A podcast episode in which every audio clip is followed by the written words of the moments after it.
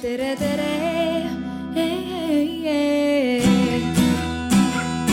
Eestimaa.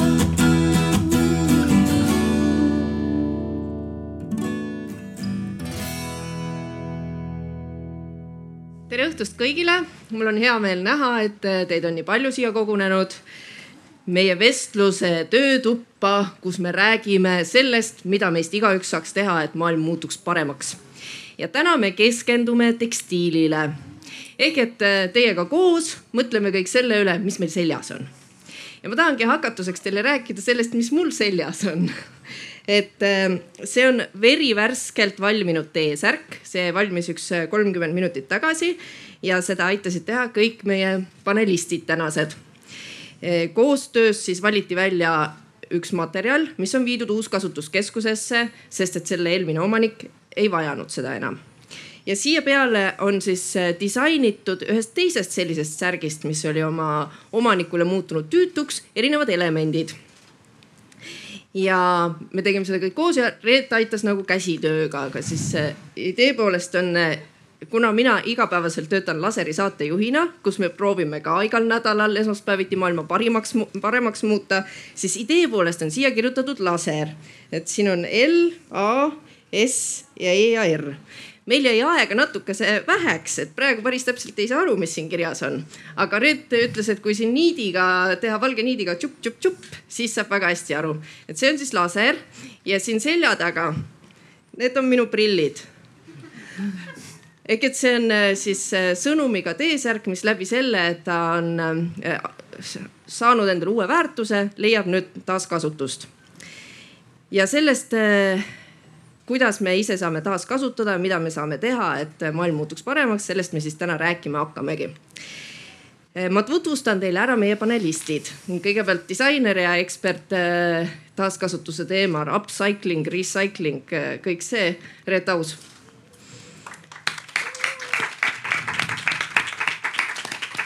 Euroopa asjadest valgustab meid täna Euroopa Komisjoni volinik Kadri Simson ja keskkonnateemadel loomulikult keskkonnaminister Rene Kokk. tere õhtust. ja Harri Moora, vanemspetsialist, ringmajanduse vanemspetsialist, teab kõike sellest. nii et tema siis annab eksperdina ka oma toetuse siin täna. enne kui me läheme vestluse juurde, ma palun, et te kõik vaataksite, mis teil seljas on selleks tulebki käärida särgil kas siit servast või siit servast ülesse või siis siit krae ja vaadata, mis sinna kirjutatud on, mis materjalist teil need riided on. kellel on sõber ähm, või sugulane käeulatuses, et siis siis saab lasta tal vaadata. mul on siin abikaasa käepärast, tule näita, mis sul seljas on tal on õnneks väl-, ei, ei, sul on väljapoole kirjutatud. siis äh, seitsekümmend protsenti bambust ja kolmkümmend protsenti puuvilla. nii, kas leiate? jaa. nii, mis sul on väga hea. Kadri, ole hea, valgusta, mis sul on. mul on sada protsenti siid. nii mina ei leidnud, äkki Sa ei... ma olen ära lõiganud, äkki ma ei tea. vot ära lõiganud, mis ära lõigatud toodetega saab pärast seda, kui nad jõuavad uuskasutuskeskusesse või et idee poolest võiks neid ümber lõigata või ümber töödelda. kohe saame teada. nii, mis sul on, Harri? puuvill sada protsenti. no vot, väga hästi. nii, kes tõstab käe, et on leidnud endal sildi? mis sul oli, hüüa mulle, siis ma ütlen teistele ka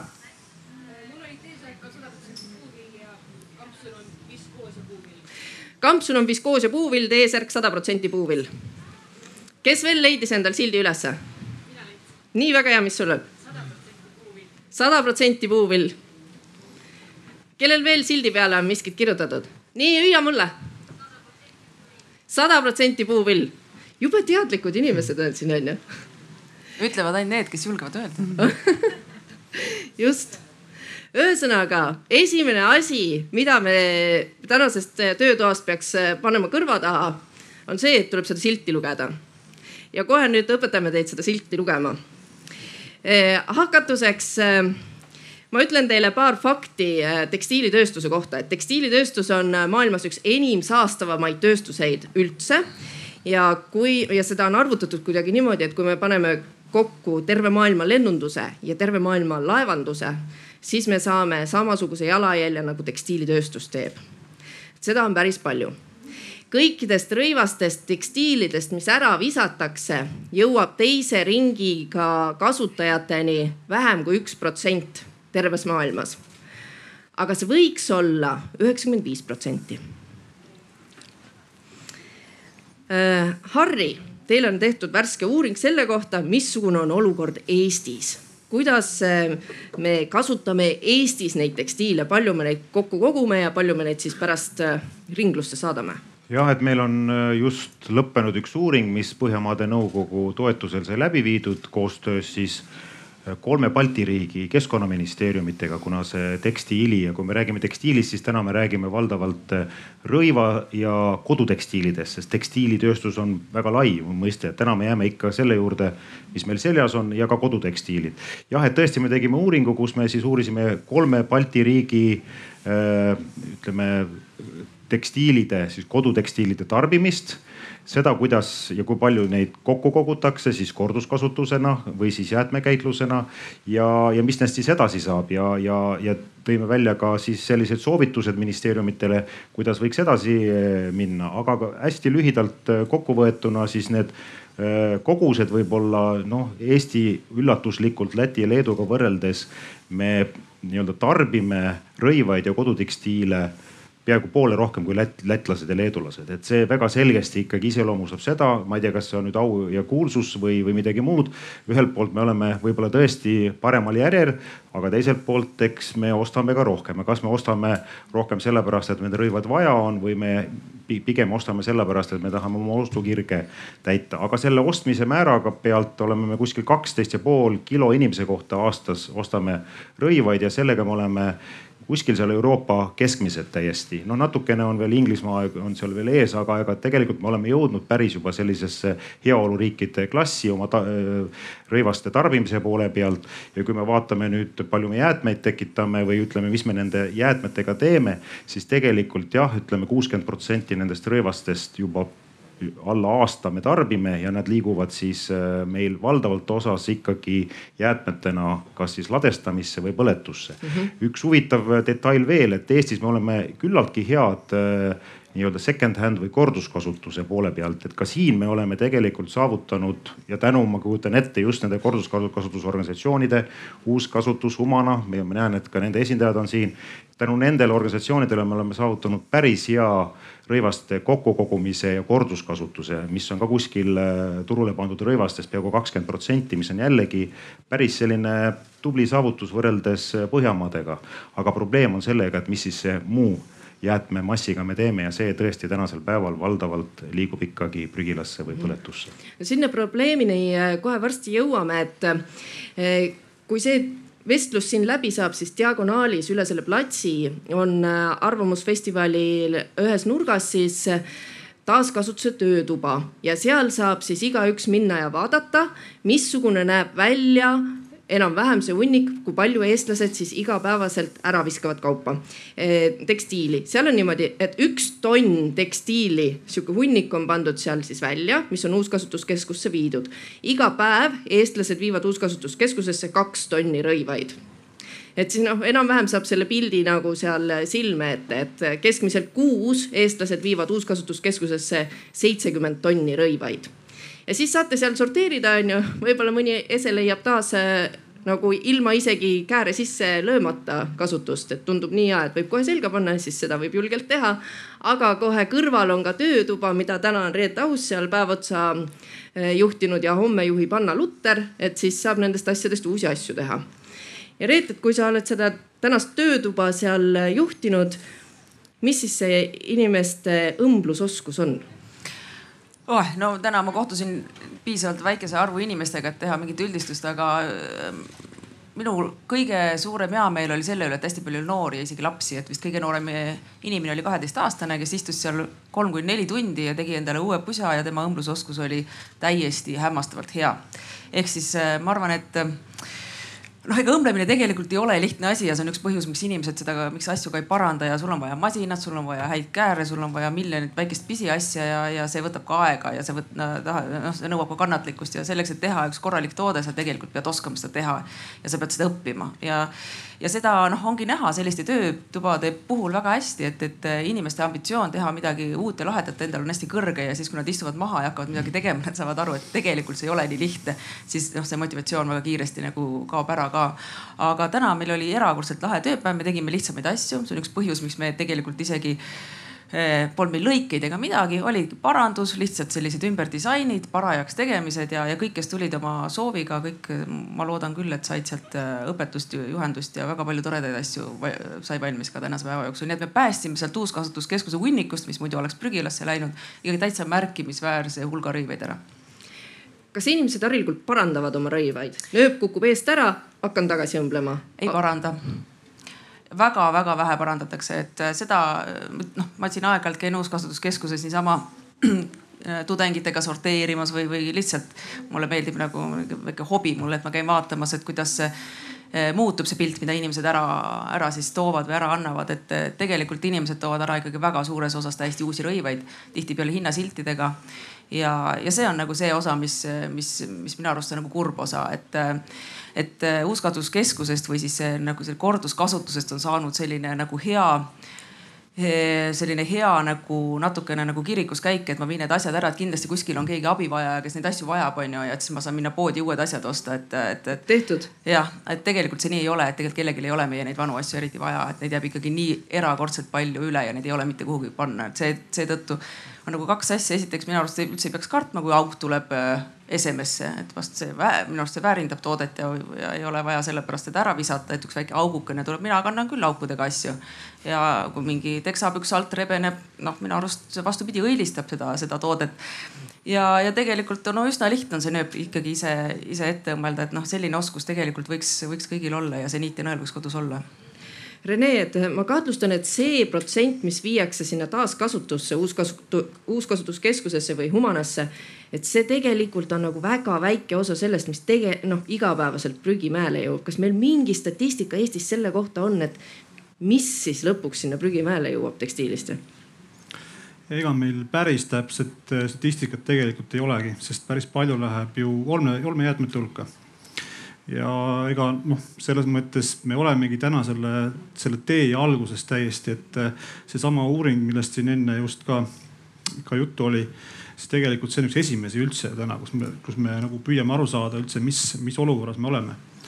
Aga ma tahtsin veel siin, kui Reet rääkis, just mõtlesin selle peale, et et ma vist olen küll ikka siis selles mõttes, ma tundsin ennast päris hästi, et ma suudan täiesti iseseisvalt nööpi ette õmmelda ja, ja, ja auku ka kinni õmmelda kuskil on ja kuna mul on kaks tütretirtsu, kes on neljane ja kuuene, siis nendele tuleb ikka pidevalt eh, põlvede peale paikasid panna eri värvi, küll eri kujudega, kas südamekujulised või lillekujulised.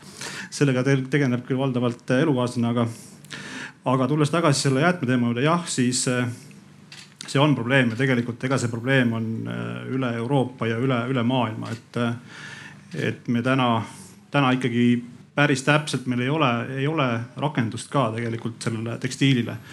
ja noh, kui me seda probleemi nagu vaatame, siis noh, võib-olla me räägime sellest veel edaspidi debati käigus, aga aga ma arvan, et siin üks olulisi asju kindlasti on see, et me peame endale teadvustama, et see sinu sissejuhatus oli väga hea siin enne, kus me, kus me pidime vaatama, et mis, mis riided meil seljas on. Ja tõsi, tõsi, ega mina, ma pean isegi tunnistama, et ma ei ole riideid selle järgi küll ostnud, et ma vaatan, kas ta on nüüd äh, kahe, kahekomponentne või ühe või ühest materjalist tehtud, mis oleks ju alus sellele, et pärast, kuidas teda siis äh, taaskäidelda aga me peame väga sügavalt äh, otsa vaatama ja mõtlema läbi selle ikka, mida ja kui palju me ostame, et vaadates seda värsket uuringut ka, siis need numbrid on ikka tegelikult hämmastavad, kui, kui me vaatame seda kiirmoodi täna, et kui palju inimesed ostavad lihtsalt riided ja ära viskavad ja kõik see, siis see on ikka tõsine probleem. Ja siin ei ole ainuüksi lahendus see ka, et, et me kasvatame äh, siis tekstiilijäätmete ütleme ümbertöötlemise võimekust, et me a la nagu looksime indulgentsi inimestele ikka osta sama palju edasi. teeme tehaseid selleks, et, et need ümber töötada ja, ja panna veel ressurssi nii energiat kui vett sinna, nii et, et tegelikult hästi oluline roll on sellel, et me teeme teavitustööd ja läbi teavitustöö, mis peab olema pidev, et saame seda lihtsalt kasutamist ja ostmist alla, et see uuring ka ütles vist et, et nelikümmend protsenti on meil kapis võib-olla riideid mis, mis ei lähe kunagi kasutusse, mis me ostame, ei lähe kunagi kasutusse, see, need on ikka hirmuäratavad numbrid. Kadri, ma ei kujuta ette, mis pilguga Euroopa Komisjonis vaadatakse sind, kui sa lähed kohale, see väike auk on särgis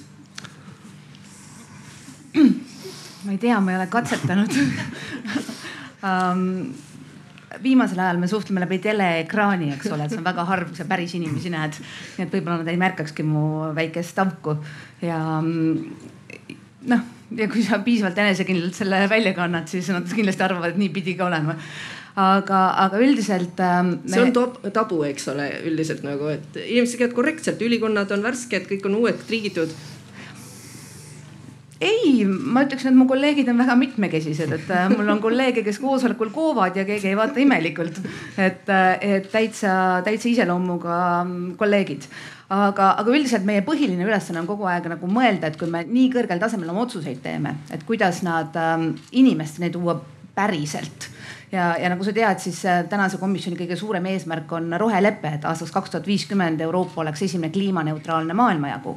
aga kui, kui me selle saavutame ja, ja kindlasti me selle saavutame, sest sellel on lai, äh, lai toetus ähm, kõigis liikmesriikides, ähm, siis täna me emiteerime ainult üheksa protsenti CO2, ülejäänud maailm äh, peab olema meile partneriks, vastasel juhul me väga suurt muutust ei too. nii et tekstiilitööstuses kindlasti see, mida teevad ähm, riigid ka väljaspool Euroopat, on väga tähtis.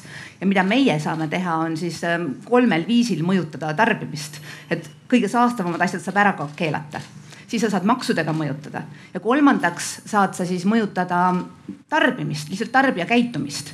Ja ja selleks on ka väga hea näide näiteks kodumasinatega, et kui sa lähed ähm, tolmuimejat või, või külmkappi ostma, siis sa vaatad, et seal on see energiamärgistus peal, et ähm, ostan natuke kallim, aga ta on A-klassi ähm, külmkapp, et ma kulutan rohkem, vähem elektrit mm -hmm. kui, kui punases oleva D-ga. ja, ja me kokku teame, et näiteks kodumasinatega lähima kümne aastaga me hoiame kokku kolmkümmend kaheksa teravatt-tonni äh, energiat. see on Ungari aastane kasutus lihtsalt sellepärast, et inimesed valivad säästvama viisi mm -hmm. ja see mõjub kui äh, kõrgel see tekstiilitööstus üldse prioriteedina seal Euroopa Komisjoni rohestrateegias on? no iga väike samm on ka tähtis. mina vastutan energeetika eest ja seitsekümmend viis protsenti Euroopa CO2 emissioonist tuleb äh, energia tootmisest, transpordist ja tarbimisest. aga siis on seal hooned, transport kui liikumisviis toidutainetööstus ja siis tulebki juba tekstiil.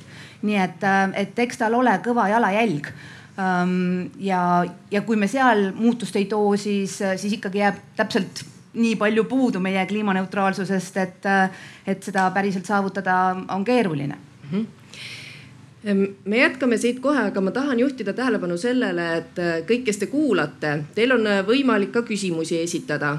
et äh, siin ole hea, tõuse korra püsti, üks mikrofon on siinpool nurgas ja teine mikrofon on vot seal treppide juures et, et siis teate pöörduda või lehvitada on ju nendele tütarlastele, nad hoiavad silma peal, kui teil on küsimus, palun sekkuge hoogsalt meie vestlusse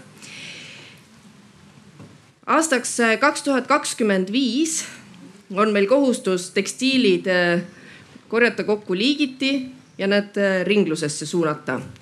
meil oli üks eesmärk siin aastaks kaks tuhat kakskümmend ka, kus me pidime olmejäätmetega hakkama saama.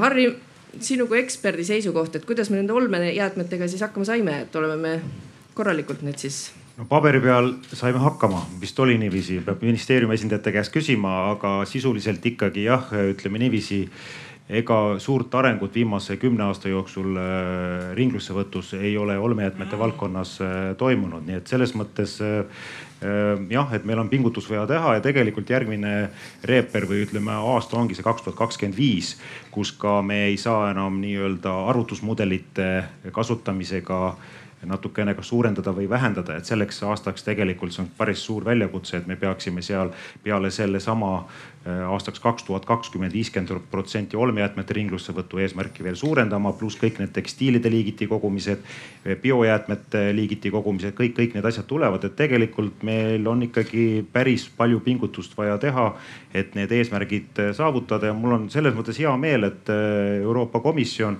on tegelikult päris selgelt ja tugevalt seda asja hakanud ikkagi survestama, sest et noh, ega see on suure väljakutsega valdkond.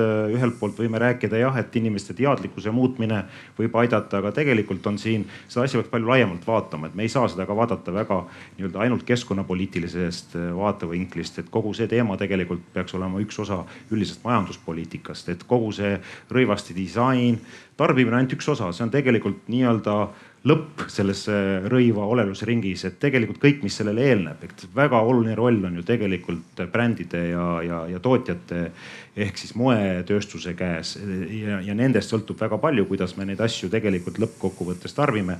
meie valmisolek võib olla väga suur, me ka siin ennem arutlesime, et väga paljud meist ju tahavad pakendid liigiti koguda, aga kui seda võimalust ikkagi head ei ole, siis tulemus ka kõige parem ei ole. nii et tegelikult äh, minu üleskutse on ikkagi see, et vaatame, kuidas teised teevad ja proovime võimalikult palju koostöös seda teha, sest et siin ei ole ainult, me ei saa seda teha Eesti keskselt, vaid me peame suure tõenäosusega piirkondlikult erinevate riikide koostöös seda tegema, et siin tegelikult väljakutse on veelgi laiem.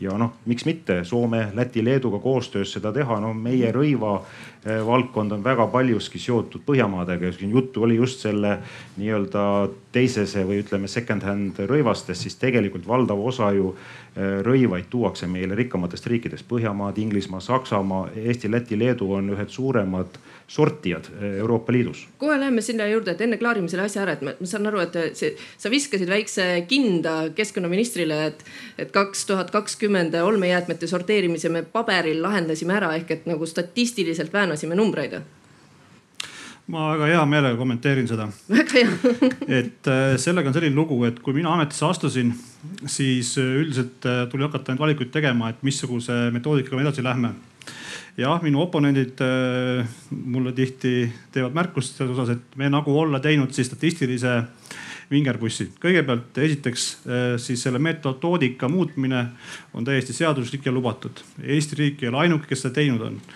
ja kolmandaks ma tahan seda öelda, et äh, me oleksime võinud ju metoodikat mitte ka muuta ja minna selle järgi edasi ja saada Eestile peale teoreetilise rikkumismenetluse ja trahvi ja siit tuleb mu küsimus, et kas see oleks olnud Eesti riigile või siis jäätmete taaskasutusele kuidagi kaasaaitav et mitte midagi ei ole muutunud süsteemis endas.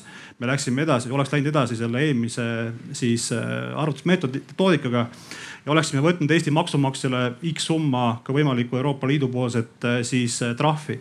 ja mina lihtsalt terve mõistuse poolest, kui ma ka mõtlen oma pere asjaajamise koha pealt, siis mitte mingit kasu, mitte mingit kasu ei oleks olnud jäätmete taaskasutusele sellest, kui me oleks läinud edasi vana, vana metoodika koha pealt. küll aga täna sellest kahest halvast valikust selle, selle lükkega vähemalt me, ma loodan, väldime siis võimalikku trahvi Euroopa Liidu poolt, nii et, et jah et on väga-väga tore eh, koputada vastu rinda, öelda, et me jätkame selle vana metoodikaga. aga ma olen täiesti veendunud, et tollel päeval, kui oleks olnud võimalik trahv Eesti riigil sellepärast, selle, sellepärast, et seda võimalust ei kasutatud siis needsamad oponendid küsivad, et miks riik ei võtnud midagi ette ja ei muutnud seda. tegelikult seda küsimust võib ju praegu ka küsida, et kui trahv juba koputas uksele onju, et siis see on väga tore, et meil õnnestus seda vältida. aga no, mis me siis nüüd sellest õppisime? Mis me õppisime, no noh, kui me läheme edasi sinna, siis jäätmeseadust enne, enne minu ametisse astumist prooviti Riigikogus kaks korda vastu võtta, kahel korral see ei õnnestunud. nüüd täna, täna oleme seda siis keskkonnaministeeriumi poolt seda jäätmeseadust äh, siis võtnud väiksemaks paketiks, me oleme osa asju sealt välja võtnud, erinevad direktiivide ülevõtmised äh, ja läinud edasi sellega, et täna on see Riigikogu keskkonnakomisjonis menetluses ja ma loodan, et äh, nüüd, kui Riigikogu kokkuvõttes tuleb, siis ka see lähitulevikus vastu võetakse. aga siin oli juttu sellest ka, et, et meil on juba uued sihtnumbrid oot, ees ootamas jah, kahtlemata ja ja üks olulisi asju, mis, mis meil ka ikkagi siis olmejäätmetest, biojäätmete väljavõtmine on üks asi, mis tegelikult on väga oluline ja, ja ma loodan, et me selle käima saame ja siinkohal peab ütlema, et ka riik tegelikult toetab läbi Keskkonnainvesteeringute Keskuse ka selliseid lahendusi, et biojäätmed välja võtta, omavalitsusi, inimesi nii biojäätmete konteinerite kui ka siis kompostrite toetamiseks ja miks mitte ka jäätme, jäätme siis konteinerite hoiumajad pluss sinna võimalik ka siis taotleda raha, miks mitte ka tekstiilikonteinerite mm -hmm. paigaldamiseks. okei okay,, ja no, aru saada, loodame parimat, aga praegu me oleme siin selleks, et see, kui saabub aasta kaks tuhat kakskümmend viis, et siis me ei oleks jälle taaskord nagu imestaks, et oh, kas nüüd trahv või mitte trahv, et kuidas me siis lahendanud. ja ma tahan siis jälle ära öelda, et kõigile selge oleks, siis Eesti riigile oli teada aastal kaks tuhat kaheksa see kuhu me jõuame aastaks kaks tuhat kakskümmend, nii et äh, kahtlemata minul on oma vastutus ja me teeme oma parimas teadmises ja ma julgen öelda, keskkonnaministeerium ja meie partnerid seda tööd ja tõesti teeme ka, et seda vältida, aga ma tahan seda lihtsalt öelda, et äh, jah, võib-olla inimesel on kombeks vahest, kui ta vaatab, et mingi asja jaoks on väga pikk aeg, siis ta võib-olla võtab seda rahulikult aga täna me ikka tõsiselt pingutame, et, et neid, neid numbreid tõesti parandada ja saada Eesti asjad paremaks mm. -hmm. See kaks tuhat kakskümmend viis ka, see on viie aasta kaugusel, aga need viis aastat võivad väga kiiresti minna, et tänases äh, plaanis ma saan aru, et me oleme seisus, kus äh, Balti riigid sisuliselt on äh, rikaste riikide siis tagahoov või prügila või meile visatakse see tekstiil, mis sealt on üle jäänud on nii, Reet? noh, natuke on jah, ja noh, see ei ole mitte ainult praegu, see on pikalt ju niimoodi olnud, et niikaua kui meil endal ei ole korralikku kogumissüsteemi ja me ei tea, mida nende asjadega teha, nii kaua see ka nii on, sest et meil on lihtsalt tööjõud odavam ja meil on odavam seda sorteerida, aga ma arvan, et siin kõige suurem nagu küsimus või kõige suurem probleem on isegi see, et, et me võime siin, kui me ikkagi tõmbame jalad kõhu alt välja ja hakkame tööle, siis me selle nelja ja poole aastaga suudame ilmselt selle kogu kogumissüsteemi ka ära teha. ma siin, siin selles osas mul ikkagi on keskkonnaministeeriumisse sügav usk ja, ja inimeste heasse tahtesse ka, aga minu arust põhiline küsimus on see, et mis me siis teeme nende kokku kogutud asjadega mm. -hmm. ja see on kümme korda tõsisem küsimus, sest et meil lahendusi ei ole. siis võib ju küsida, et miks me siis juba praegu seda ei tee, et, et sellele küsimusele vastab ka väga kergelt, väga lihtne vastus on sellele, et tekstiiliprügil ei ole turgu. muidu oleks meil sadu tehaseid, kes tegeleksid äh, sellega või, või kui meil oleks lahendused, mida teha selle tekstiiliprügiga, siis meil oleks äh, ärimehi, kes kõik need asjad ammu oleks ära teinud küll ja küll, aga, aga see on niivõrd keerulist tüüpi äh, jääde, mis, mille nagu ümberkäitlemine ongi nii keeruline. taaskasutus on väga keeruline, lahendusi ei ole, masslahendusi ei ole, on ainult sellised väikesed vahvad teeme stuudiokest, kuskil nokitseme, natukene üritame. ja kuna riik tegelikult sinna innovatsiooni ei ole panustanud, meil materjalitehnoloogiasse tegelikult ikkagi sellisel tekstiili valdkonnas panustatakse väga vähe ja me ei ole välja töötanud lahendusi, siis tegelikult mida vist ütleb Harri ka teie uuring, siis meie ümbertöötlusvõimekus äh, Eesti Vabariigis on null, oli nii või? no siis sisuliselt jah, null. ma tahan nii palju veel öelda, et tegelikult teiste riikide prügi siia toomine, see võib kõlada väga kohutavalt, aga tegelikult, aga tegelikult on see tuleviku äh, majandussüsteem. või meil on siis, lahendused ainult ja, siis. ja seda just, aga tegelikult siiamaani tegelikult me oleme selle esimese etapi ehk sortimise etapi väga hästi ära äh, lahendanud ja miks mitte seda siit edasi minna ja tegelikult pöörata see asi nii-öelda oma nii-öelda majanduslikuks eduks ja, ja seda teevad tegelikult kõik praegu. ja see on tegelikult äh, nii-öelda innovatsiooni, arendus, teadustegevuse üks aluseid. ehk siis minna siit sortimisest samm, samm edasi. Eestis on ideaalne võimalus, meil on mingil määral tekstiilitööstust veel alles.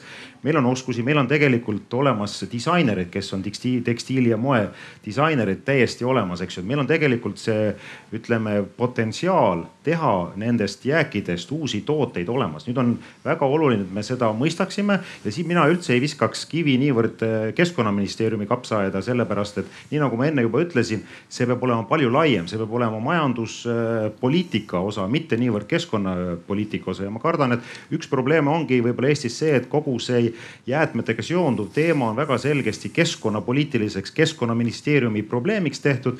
keskkonnaministeeriumil ei ole lihtsalt neid hoobasid, et seda nii-öelda majandussüsteemisse ja seda peaks täiesti teisiti vaatama üleriigilise, üleriigilise nii-öelda lähenemise strateegiaga ministrid, ministeeriumite ülese tegevuse mm. -hmm. täitsa vabalt võib vahele rääkida, et ei ja. peagi sõna küsima, et eh, ma saan aru, et meil peaks küll majandusminister siin istuma, aga. no kindlasti peaks, kui me räägime ringmajandusest. ja ma olen Harriga sada kümme protsenti nõus, et eh, me ju keskkonnaministeeriumis tegeleme sellega kogu aeg, et, et teadvustada riigiüleselt seda, et meil on vaja taas luua üleüldse ringmajandus, et, et needsamad, samad plastpudelid, mis meil on, on mureks, et nende sellest teha siis kasvõi maantee äärde müratõkkeid, kasutada ära, eks. riik peab olema tark tellija ja siinkohal küll keskkonnaministeerium ka nagu kogu aeg pingutab, et me saaksime aherainet rohkem kasutusele võtta, et me ei, ei kaevandaks üles siis uusi maavarasid, eks. RMK on ka asendamas siis Äh, erinevaid poste, kus on puit või metallpostid täna panemas, panemas siis äh, sinna ka plastikust poste ja see on, see on üks ahel ja see ongi väga suur, et ma olen täiesti nõus, et keskkonnaministeeriumist me, me kogu aeg suhtleme ka oma, oma partneritega, kõikide teiste ministeeriumitega, kus vähegi võimalik on ja otsime neid võimalusi, et see ringmajandus ja see tellimus riigi poolt äh, juba panna sisse rohehangetesse, et, et absoluutselt. Ja, ja see ei ole tõesti ainult üksi keskkonnaministeeriumi mure aga ma pean ütlema, et äh, positiivses mõttes tegelikult tulevad küll kaasa ja täitsa mõtlevad äh, ka teised ministeeriumid, et siin näitena näiteks on mida me oleme arutanud ka ja kus väga, millega ise välja tulnud on ka nii siseministeerium kui, kui ka kaitseministeerium, et et miks ei võiks riik olla see ettenäge-, et see eestnäitaja, kes tellib näiteks vormiriideid taaskasutatud äh, tekstiilist mm, -hmm. eks, et see oleks absoluutselt ju väga hea näide ja, ja selles mõttes mul on väga hea meel, et äh, need ministeeriumid mõtlevad kaasa. ja täna pigem ongi see probleem, et, et hanketesse võiks selle sisse panna, aga meil ei ole täna veel neid ettevõtteid, kes suudaks tulla pakkuma seda. aga selles mõttes täitsa mõeldakse, mõeldakse kaasa ja, ja ma ütleks, et arengud on positiivsed mm. -hmm Reet, ole hea, tõuse korra püsti, näita, mis sul seljas on ja seleta Miks? meile ühtlasi ka ära, mis on upcycled ja mis on recycled on ju. okei okay., nojah, see on muidugi hea küsimus, aga ei ole mitte nii, et ma tänase päeva puhul panin enda disainitud riided selga, et eks ma ikka käin põhiliselt enda asjadega, ehk siis ähm, kui me räägime, siis äh, inglise keeles on kaks terminit upcycling ja recycling, eesti keeles on äh, upcycling siis väärtustav taaskasutus ja recycling on ümbertöötlus, et äh, nende, neil on siis äh, kahel meetodil on selline vahe, et kui me räägime väärtustavast taaskasutusest, siis see tähendab seda, et võetakse materjal selline, nagu ta on ja läbi disaini tuuakse ta ringlusse tagasi ehk toodetakse, disainitakse, toodetakse uus toode.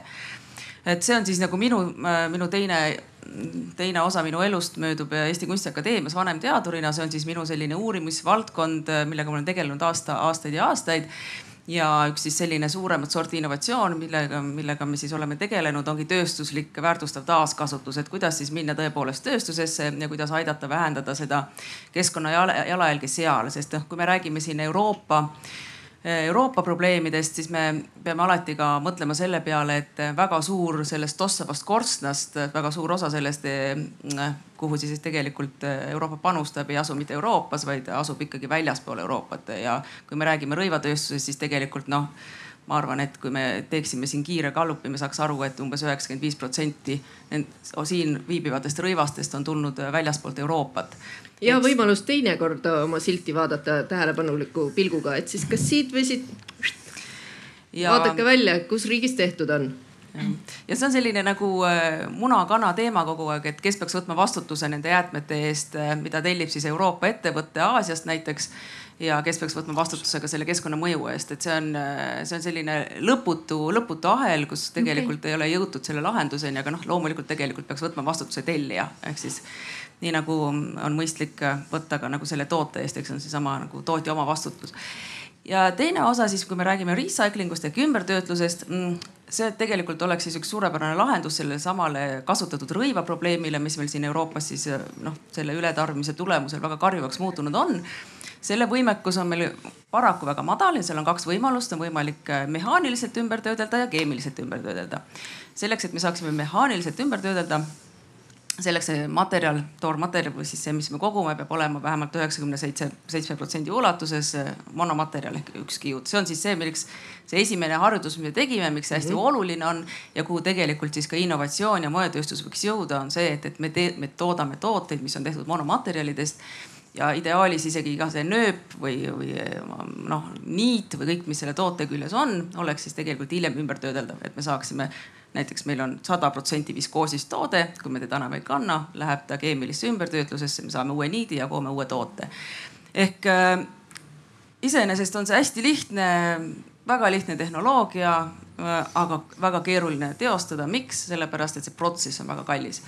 on väga kallis need rõivad kokku koguda, siis või need rõivad pärast ära sorteerida kuna see kõik on selline töö, mida tehakse käsitsi ja kui te olete sildi välja lõiganud oma tootest, siis juhtubki see, millele Maria ennist äh, ka viitas, et seda toodet ei olegi võimalik ümbertöötlusesse suunata, sest me ei tea, millest see toode koosneb. ja kui me ei tea, millest ta koosneb, siis me ei oska temaga mitte midagi teha ja ta läheb igal juhul prügilasse või siis põletisse Isegi... sa tahad äh, öelda seda, et kõik need asjad, mis on recycled, et seal on käsitsi lõigatud lukud ja nööbid ikka, ja pandlad ära? ikka, ikka, see on puhas käsitöö jah, hetkel noh, sest et selle ja, ja see ongi selline nagu ütleme siis iroo, irooniline osa sellest, et ühest küljest seda kõike on ju tore teha ja need teksapüksid kokku koguda ja, ja, ja, ja Saksamaal, kus on kõige suurem sorteerimistehas, ma seal paar aastat tagasi käisin. Ja noh, ma tõepoolest arvasin, sest ma olin kuulnud, et on arendamisel selline meetod, et lükkad torust sisse ja siis äh, te,. teiselt poolt tuleb püksid välja. teiselt poolt äh, ta loobib materjalid, materjalid laiali, et ta suudab ära tunda, eks ole, seda tehnoloogiat arendatakse, aga ei ole, seal oli üheksasada Saksa kodanikku, kes käsitsi sorteerisid neid rõivaid. et see on ikkagi siiamaani täiesti manuaalne töö. ja kui sa mõtled, kui palju aega sul läheb selle peale, et sa saad tegelikult lõpuks siis need tooted sorteeritud, puhastatud, äh, needid ja ilud sealt pealt ära võetud ja saadad ta lõpuks sinna ümbertöötlustehasesse, kus ta siis purustatakse, uuesti tehakse kiuks ja sa saad lõpuks selle lõnga sealt kätte. See lõnga kvaliteet on ju viletsam kui, kui näiteks uuel mm, värskelt põllult tulnud puuvillal, eks, et sa ei saa võrrelda seda, et, et, et see on keeruline protsess, eriti seesama tarbijaäärne jääde, millest, millega me siin täna oleme ka tegelenud ja millest me siin räägime, et see on, ta on nii kallis jäätmeliik ja sellepärast ei olegi seal taga ka mitte mingisuguseid selliseid suuri äh, ärilisi lahendusi. aga noh, see on tehtav, tehnoloogia on olemas ja sellepärast ongi vaja mõelda, kuidas me saaksime selle tegelikult rakendada. no tehnoloogia on nii-öelda olemas selles mõttes, et noh, inimene lõikab, on päris no ta ei, ei ole nagu innovatsioon. aga see ja, aga noh, seda kõike saabki võimendada niimoodi, et äh, siin tulebki meil mängupoliitika, et kas me teeme sellistele nagu äh, näiteks maksusoodustust ettevõtetele, kes tegelevad äh, taaskasutuse ja, või, või siis nagu parandusteenusega. noh, et ühel hetkel see kuidagi peab see regulatsioon niimoodi toimuma, et see, et siis selliselt tehtavat, tehtav asi ka äriliselt muutuks kuidagi apetiitseks inimesele, kes sinna sooviks investeerida, et hetkel lihtsalt seda ei ole, et sellepärast ongi niisugune natukene stuudiopõhine ja, ja, ja ülikoolipõhine nagu oota, mis sa ütlesid, üheksakümmend kuni üheksakümmend viis protsenti inimestest meist eh, kannab välismaal tehtud rõivaid? ma täiesti huupi, ma ütlesin, ma, ma vaatan umbes. siin niimoodi, noh mm -hmm., näed Nike, noh, kui sa vaatad natuke, mis meil siin on seljas, et need on enamus asjad ikkagi, kes toodavad, eh, toodavad Aasias. okei okay., eh, teine huvitav statistika, mis ma nägin, oli see et, et kuuskümmend protsenti nendest rõivastest, mis meil on, on polüester ja vist kaheksakümmend protsenti on siis need nagu segamaterjalid on ju kõige suurem osa on segamaterjalid jah ja., ja see on ka sihukene huvitav asi, mida tõenäoliselt tavakodanik, kes selle rõivaga ei tegele, kunagi ka tähele ei pane, aga see sõltub õudselt palju sellest, näiteks puuvilla sisaldus teksapükstes iga aasta natuke varieerub. ma ei tea, kas te olete seda kunagi tähele pannud, aga siin mingid aastad tagasi oli suur põud tänu kliimamuutustele, India sulges oma oma puuvilja ekspordi ja siis oli näha, kuidas olid meil teksapüksid turul, kus olid, mis, kus oli siis naftapõhist kiudu oli kuni kuuskümmend, seitsekümmend, kaheksakümmend protsenti. et sest puuvilja hind läks lihtsalt nii kõrgeks, no midagi pole teha, naftast tehtud kiud on palju odavam, sest et see valmib palju, palju lihtsamalt lihtsalt. no kohe vaatame nendele siltidele veel lähemalt otsa, et tegelikult need sildid siis riiete sees ei ole pandud ainult selleks, et vaadata, kuidas seda pesta ja triikida. aga Rene, sul oli vahepeal üks repliik siin. ma tahtsin jah nii palju lisada, et tegelikult ikkagi riik äh, päris käed rüppes pole ka istunud siin äh, viimased aastad, et äh, siin kaks tuhat kaheksateist ma mäletan, üks-kaks projekti on saanud saanud rahastust, mis on tekstiili taaskasutamist puudutanud. Ja kaks tuhat üheksateist Tallinna Tehnikaülikool sai ka Keskkonnainvesteeringute Keskuse poolt ühe ühe projekti rahastuse, mille käigus siis praegu püütaksegi välja siis töötada tehnoloogia, mis siis suudaks sellest samast tekstiilist eraldada mehaaniliselt need lukud, trukid, nööbid ja muud asjad, et selles mõttes töö käib täiesti. kas inimesed üldse pöörduvad, et palun andke meile raha nagu riigi poolt selleks või selleks asjaks või, või, või tegelikult on neid huvilisi vähe? huvilisi on vähe, kahtlemata, seda peab küll ütlema, aga iseenesest seda, seda ei saa öelda, et, et riigil ei oleks tegelikult erinevaid meetmeid ka rahastada selliseid projekte tegelikult on, et siin tuleb koostööd jätkata muidugi. ja, jah et küsi-, natuke sihuke ka muna-kana küsimus, et kes peaks esimesena kelle poole pöörduma, onju. Kadri, sul oli sada protsenti siid, aga mis maa sa leidsid sealt, ma vaatasin, et sa hoolega tuuseldasid ma leidsin UK, nii et okay. endiselt Euroopa jah ja. aga, aga noh, selles mõttes ka Euroopa Liit ju väga tõsiselt äh, investeerib innovatsiooni ja mitte loomulikult ainult tekstiilijääkidega tegelemiseks, aga meil on küllaga igapäevaseid tarbimis kombeid, mis tekitavad jäädet, mida veel ei osata sajaprotsendiliselt kasutada, aga võiks. patareid, klassikaline näide, me kõik sõltume haruldastest muldmetallidest, aga nad on tegelikult siin jäätmena olemas. ja, ja me peame ka silmas pidama seda, et mida iganes me toodame see on nagu rusikareegel, et Euroopas toodame me seda säästvamalt kui teistes riikides väljaspool Euroopat, isegi näiteks nii energiamahukas tootmine nagu alumiinium. Euroopas tehakse seda säästvamalt. Ja, ja seetõttu oma reegleid kehtestades peame me saavutama selle, et tootmine siit minema ei läheks. Sest et ta kipub minema teistesse riikidesse, kus lihtsalt ei ole üldse nagu süda ei valuta keskkonna pärast. Ja me pärast ostame tagasi ja, ja globaalselt oleme saanud palju suurema jalajälje kui, kui siin toot, toodetud asi. loomulikult teine põhimõte on see, et äh, kõige säästvam nii energeetika suhtes kui ka siis ilmselt tekstiili suhtes on see, et sa jätad tarbimata. ja mida me teeme energeetika valdkonnas? lihtsalt sa soojustad majasid, sest et nelikümmend protsenti kõik meie äh, nagu energiast läheb majade külmut-, jahutamisesse või soojustamisesse. ja kui nad on energiatõhusamad, siis kulub sellesama mugava temperatuuri hoidmiseks vähem. Ehm, ilmselge kokkuhoid noh, neid asju on äh, veel masinatega, sa sõidad autoga, mis kulutab märkimisväärselt vähem bensiini ähm, kui vana Volga ja, ja see on võit tarbijale võit keskkonnale. et sama asja meil tuleb teha tekstiiliga onju, aga äh, räägime kõigepealt materjalidest, et mõned materjalid on paremad kui teised.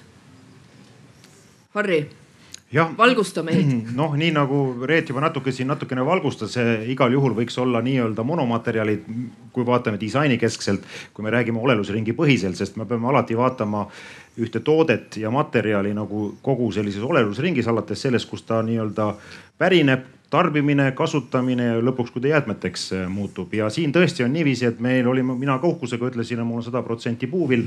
aga jah, ütleme kliima seisukohast puuvill on parem kui ütleme polüester, aga, aga ta on seotud paljude teiste keskkonnamõjudega, eelkõige vee tarbimine ja nii edasi, mis tegelikult lõppkokkuvõttes eh, summa summarum olelusringi põhiselt on tegelikult puuvill võib-olla keskkonnamõju üldsum mõistes isegi hullem kui polüester särk. nii et selles suhtes peab olema noh, jällegi teadlik nende materjalide valikutel.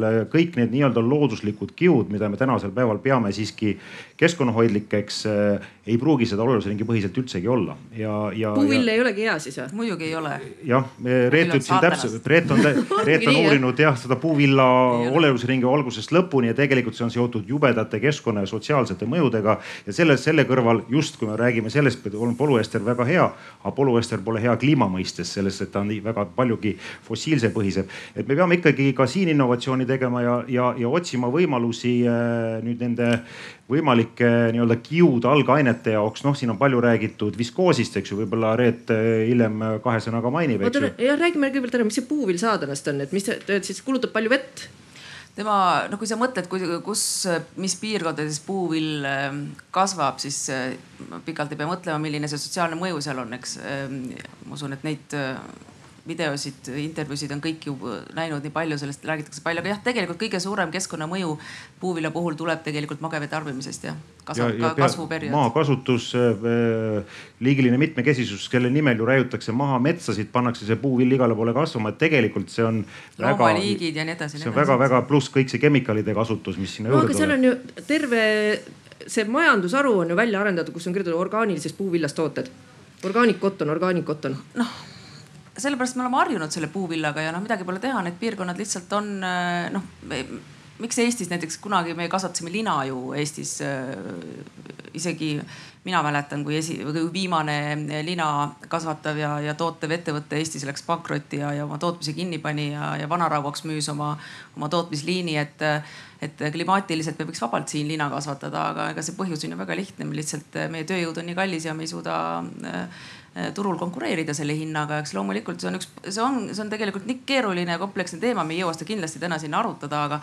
aga see noh, kui me räägime ainult Euroopast, siis me peame kogu aeg ikkagi saama aru sellest, et, et suurem osa asju, mida me siit tarbime, tuleb Euroopast väljastpoolt, et loomulikult me võiksime ja ma olen täiesti sada protsenti Kadri sinuga nõus, muidugi ongi olekski hea, aga noh, mitte iialgi ei tule näiteks tekstiili tootmine Euroopasse tagasi, et noh, seda ei juhtu mitte kunagi, et kogu innovatsioon on juba Euroopast väljas, tehased on väljas, teadmine, oskused, kõik on väljas siit et loomulikult. lisaks ka jäätmekäitlus, see on veel ja. kõige hullem asi selles mõttes, et tegelikult me oleme ju ka oma jäätmekäitluse ringlussevõtu osas ju pidevalt Aasiale toetunud ja ega see ei ole ka saladus, et need nii-öelda sorditud äh, rõivastest, mis tuuakse Põhjamaadest ja siia meile sortimisse, sellest valdav osa läheb kolmandatesse riikidesse, kas korduskasutuseks või niinimetatud ringlussevõtluseks. ega me täpselt ei tea, mis seal, mis seal toimub, eks ju, ja selles mõttes tegelikult ka noh, hea näide oli see, kui Hiina pani oma oma turu ehk siis teisese toormeturu, ümbertöötlemisturu kinni. Ja sisuliselt tänasel päeval ongi Euroopa Liit äh, nii-öelda pikali sellest võttest ja mina arvan, et see on ülioluline, et nüüd äh, ja ma näen, et ka need uued rahastusmeetodid ikkagi läbi teadusarenduse. no peame tagasi tooma selle nii palju kui võimalik, ma olen Reedega, Reedega nõus, et äh, tootmise osas me seda palju tagasi ei too, aga disain on ju siin, tegelikult disain ja selle nii-öelda lõppkäitlus peaks olema ikkagi siin, et see oleks meil kontrolli all ja me ja, ja nende disainerite õpetamine, et nad saaksid ka aru, ütleme need brändid, kes ju asuvad valdavalt arenenud riikides, et nemad võtaksid ikkagi eelkõige vastutuse. ja muidugi on vaja neile tekitada survet tarbijaskonna poolt, aga muidugi see nii-öelda arendustegevus on oluline, aga siin ma väikse kommentaarina ütlen, et me oleme Eestis nii väikesed, et me võime natukene anda raha Tehnikaülikoolile eh, mingisuguse tehnoloogia väljatöötamiseks, aga see kindlasti peab olema rahvusvaheline. just Euroopa Komisjoni Horizon kakskümmend kakskümmend projektid on need, mis tegelikult koostööna aitavad tekitada palju palju paremat tulemust, ehk siis tegelikult äh, palju asju on tehtud. siin ei olegi võib-olla Eestis meil mõistlik äh, hakata nüüd täiesti otsast peale kõike tegema. Reet võib öelda, tegelikult ka Reedal on, sul on juba valik olemas, millised seadmed sa võib-olla tahaksid ja võiksid rakendada, kui, kui sa saaksid raha, eks ju. et tehnoloogilises osas ei ole väga suurt probleemi, kuigi, kuigi, kuigi suurem probleem on see, et mis sellest ümbertöödeldud materjalist siis tehakse, need tooted, eks ju. kas me oleme valmis neid natukene kallimaid ja võib-olla natuke madalama kvaliteediga tooteid tarbima, et see on nüüd küsimus ja me üldiselt me ei taha, me ei taha sellist. me ei taha äh, rohkem maksta, see on täiesti loogiline. ei taha rohkem maksta ja saada kehvema kvaliteediga väljavenivat pulloveri.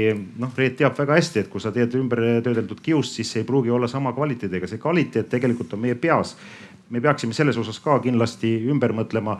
ja kolmas asi, mis on läbi käinud, tegelikult äh, me peame oluliselt aeglustama oma tarbimist, kui me räägime sellest samast süsiniku jalajäljest, siis kui me kuskil suudaksime oma rõivaid üheksa kuud pikemalt kasutada, siis me tegelikult oma süsiniku jalajälge, isikliku süsiniku jalajälge vähendame kolmkümmend protsenti. Mhm. see on väga suur ja kui, kui see nüüd kokku kõik lüüa, siis me tegelikult saavutame olulise panuse ja transpordi, energeetika kõrval tegelikult see tarbimine ja miks mitte see, seesama rõivad kui üks olulisemaid tarbimis nii-öelda kaupu mängib rolli siin kogu pildis. ja siin me jõuame jälle tagasi ikkagi sinna ka, et väga oluline on ikka inimeste teavitamine ka, et eh, keskkonnaministeeriumis me võtsime ette ju projekti Eakate jäätmekool, kus ma olen isegi mitmes kohas kohal käinud ja tegelikult äh, väga tore on näha, kuidas eakad väga hästi, väga tulevad kaasa, mõtlevad kaasa ja tegelikult üks sõnum on see, ega me kliendina ja tarbijana peame ikkagi suunama, suunama ka seda tootjat, et kui me ostame veel pakend, mis on korduvalt pakendud, pakendi sees pakend ja veel pakend, siis mis tuli selgelt tagasi, et eakad on väga-väga targad ja nutikad, et nad väga vaatavad seda,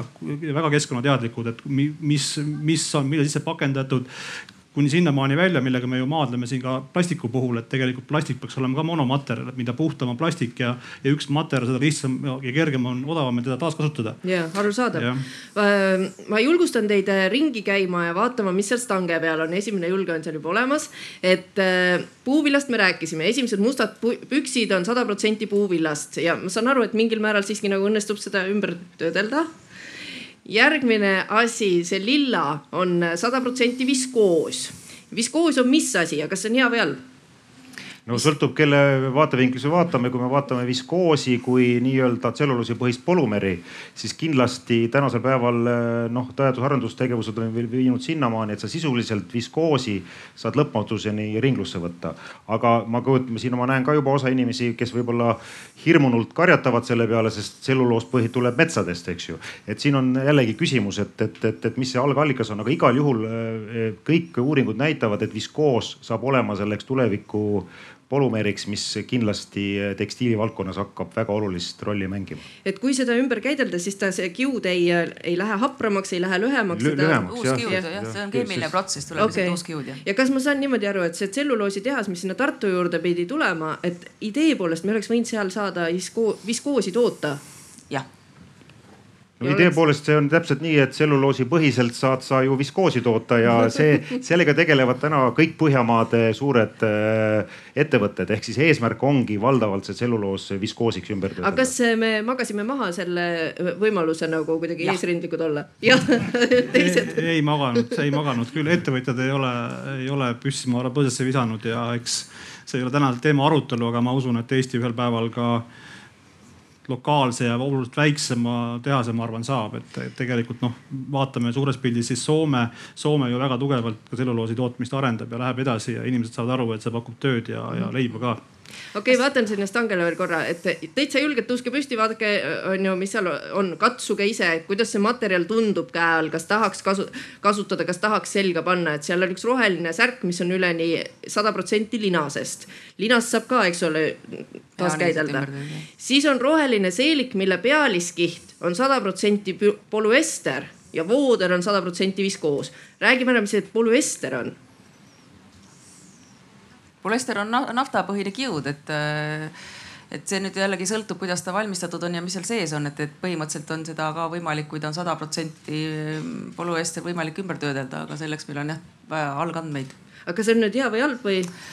ah nii ja naa, noh, see on, see on, on jälle seesama nagu Harri ütles, et tõesti selleks, et nagu teha see otsus ja öelda, mis on hea ja halb, me peame ikkagi kogu seda olelusringi vaatama, et, et, et noh, see kõik sõltub, kust poolt, kust poolt me vaatame, et kui me vaatame äh, nagu keskkonna seisukohast, siis noh neid uuringuid on nii palju, ütleme siis nii, et, et, et ikkagi öeldakse, et kõik, mida sa suudad siis pikemalt ja võimalikult lihtsalt ringluses hoida ja kui ta juba korra loodud on, on igal juhul keskkonnasäästlikum, kui siis panna nagu lõputult maad, kui meil ei ole maad piisavalt, et toitu kasvatada, et panna see toormaterjali alla, et, sõltub, kustpoolt sa vaatad mm. -hmm. siis on see sinine seelik on pealt on sada protsenti vill ja sees on siis viskoosist vooder ja siis on see üks sihukene asi, mis on nagu mantel või pintsaka, ma ei tea, mingi vahepealne toode see on hästi mõnus käe all, super toode, aga siis ma vaatasin see sildi peale, see koosneb neljast erinevast asjast. nii, kui mingis asjas on rohkem kui kaks komponenti, siis mis sellest, mis sellega teha saab? Ega temaga ei olegi muud midagi teha, kui näiteks väga-väga kergelt saab seda toodet eh, hoida nii kaua ringluses, kui vähegi võimalik on, teda ümber disainides ja ehk siis väärtustava taaskasutuse ja, ja, ja ümberdisaini meetodid rakendades, et, et see on nagu, see on üks selline jälle hästi tarbija teadlis, teadlikkusega seotud, aga selline kohalik, kohalik väärtustav taaskasutus on loomulikult absoluutselt kõige keskkonnasäästlikum peale korduskasutust. et seda te tegelikult teha, sest et ega see noh, nagu me siin enne rääkisime, see, see kasutatud rõivajääk on väga keeruline, et aga midagi väga suurt äh, teha tööstuslikult, äh, kui meil ei ole mingisugust seda toru, kuhu me ta sisse lükkame, teiselt poolt meil erinevad kiud välja tulevad, seda toru hetkel olemas ei ole, onju et siis ikkagi see esimene ülesanne on seda toodet nii kaua kui vähegi võimalik hoida kasutuses. Nojah, mehaanilise ringlussevõtu mõistes on tegu ikkagi niisuguse väga paha tootega, et ja. sisuliselt jah, Reet teab, et on üritatud küll kiustada, aga see tulemus on nii kvali-, kehva kvaliteediga see lõng, et sellest on väga raske midagi, ütleme, et uuesti nagu taasväärtustada ja toodet luua, aga Correct. seda saab tuua või teda saab kasutada võib-olla tulevikus nagu mingite uute toodete tegemiseks, miks mitte mingid isolatsioonipaneelid või muud asjad. jah, mhm. no mul on väga valus õppetund, aastate tagune õppetund, kus me tegime toreda Viljandi ettevõtte Toom tekstiiliga koos ühe katsetuse, kus me mõtlesime, et me mehaaniliselt ümber töödeldud äh, vilti teeme. Ja meil jäi seal äh, laulupeo särke, puuvillaseid üle mingi ports, aga noh, meil ei olnud piisav hunnik ja siis Uuskasutuskeskus kogus meile T-särke kokku äh, juurde ja, ja ei olnud mul siis nagu täpset juhendit ette antud ja, ja need T-särgid, mis siis Uuskasutuskeskusest tulid, nendest osad olid sisaldasid siis ka naftapõhist kiudu ja läksime Viljandisse ja, ja tegime suure väga vahva testi ära, mille tulemusel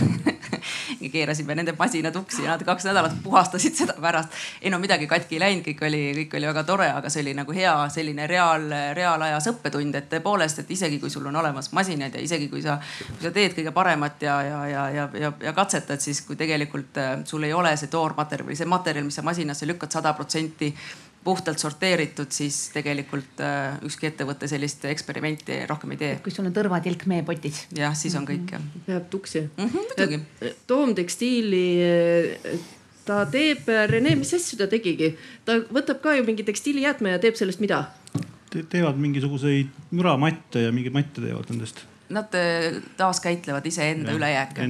sisuliselt panevad oma tagasi oma algsesse tootesse kõige rohkem, aga nad on üritanud ka tootedisaini teha. Nende põhiline probleem on see, et Eesti on liiga väike, nad ei suuda nende toodetega globaalsele turule minna. ja see ongi paljude Eesti ettevõtete probleem, et sa võid teha väga huvitava ja toreda toote sellest nii-öelda kasutatud materjalist, aga kuna sul ei ole nii-öelda globaalset müügikanalit siis sa ei saagi seda maha müüa. samas näiteks äh, ja minu arust oli see toomtekstiili näide väga hea, mis on KIK-i rahastuse saanud ja tegelikult äh, tootmisjääkide ümbertöötlemise mõistes ainulaadne, kõige suurem ümbertöötlemise võimekus kogu Baltimaades, et selles mõttes koht, kohas, koht omas käest. aga samas on, äh, on olemas, eks ju, Vendre mm, -hmm. kes tegelikult omab globaalseid kanaleid ja nad on olnud tunduvalt edukamad sarnaste toodete turustamisel. jällegi lõppkokkuvõttes on see ikkagi üks ärimudel, et me võime rääkida tehnoloogiatest, lahendustest aga lõppkokkuvõttes meil on oluline, et see asi pandaks kokku ärimudeliks, et me saaksime selle asjaga nii-öelda majanduslikult toimima. eraldi vaadatuna nii-öelda teadlikkus, tehnoloogia, kui nad ei ole niiviisi kokku pandud ärimudeliks, siis eriti ka midagi ei juhtu. me kohe läheme nende mõtetega edasi, et kuidas see innovatsioon siis võiks välja näha ja, ja kelle poolt see võiks tulla. aga lihtsalt kokkuvõtteks et me tarbijana saaks aru, aeg-ajalt tuleb mingeid uusi asju osta, onju. millest neid siis tohib osta ja millest ei tohi osta, mis materjalist? Noh, kui me vaatame, mis see hierarhia on, siis kõigepealt tuleks loomulikult äh, korduskasutada ehk siis osta Äh, või vahetada oma sõpradega või osta siis neid asju, mis on juba loodud, ehk siis äh, teise ringi rõivad.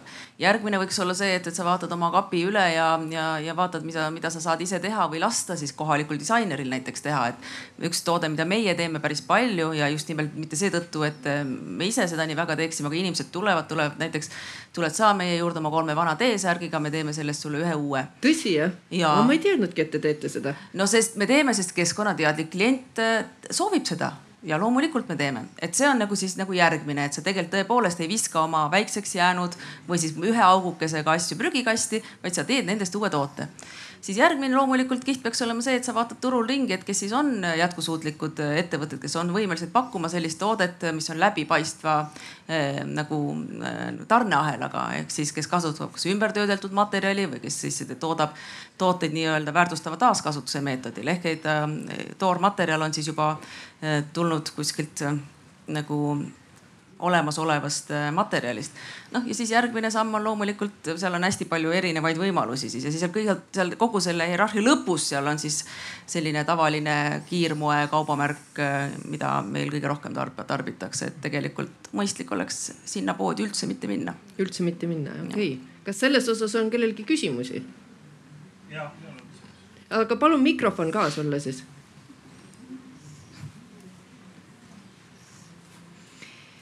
andke kohe aegsasti palun käega märku, kellel on veel küsimusi, et siis eh, ma praegu vaatan ära, kus te olete, lehvitage.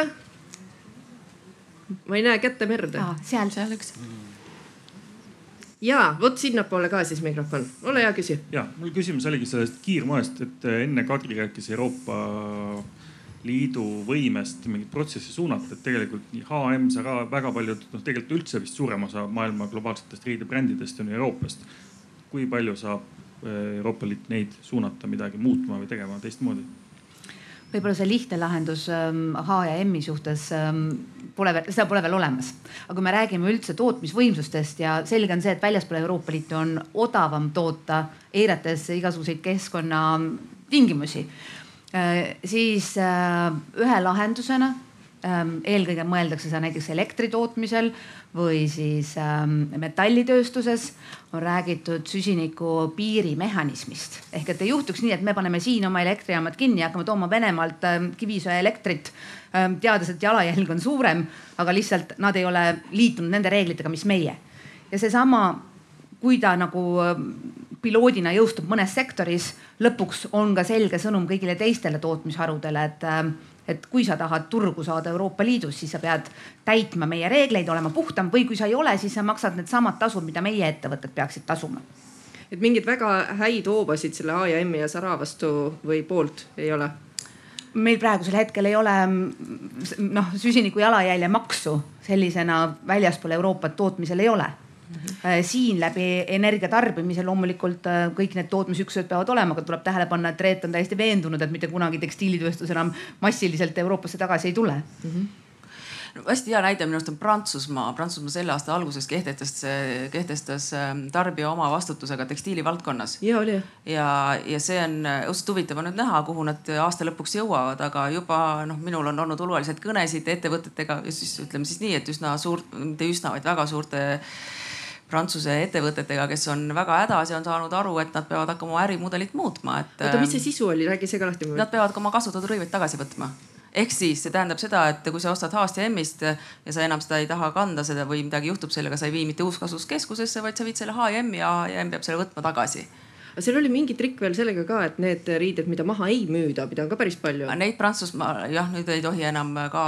prügilasse saata, et see on, mina, minu arust on see suurepärane ja ma väga loodan, et teised Euroopa Liidu liikmesriigid äh, järgivad seda sammu, kui see muidugi ei lõppenud, ei lõppenud tohutu äh, fiaskoga, fiaskoga. Ja ma arvan, et tegelikult pankrotilaine on tulemas, sest, sest see, kui sa mõtled loogiliselt, HM peaks hakkama nagu ise noh, nad muutuksid jäätmekäitlusettevõtteks on ju. või nad peaksid või, või kui sa võtad Inditexi noh, kes on maailma noh, üks suur, ongi kõige suurem vist ja kui sa võtad kõik nende kaubamärgid ja nad peavad hakkama noh, aga see, mina arvan, et see on üks suurepärane võimalus, kuidas tegelikult ikkagi, ikkagi muuta seesama, millest me natuke oleme täna rääkinud, seda ärimudelitest, et mul oli siin mitme-mitme tunni pikkune vestlus ühe, ühe Prantsuse väga tuntud ettevõtte jätkusuutliku noh inimesega, kes juhib selle innovatsiooni jätkusuutlikkust.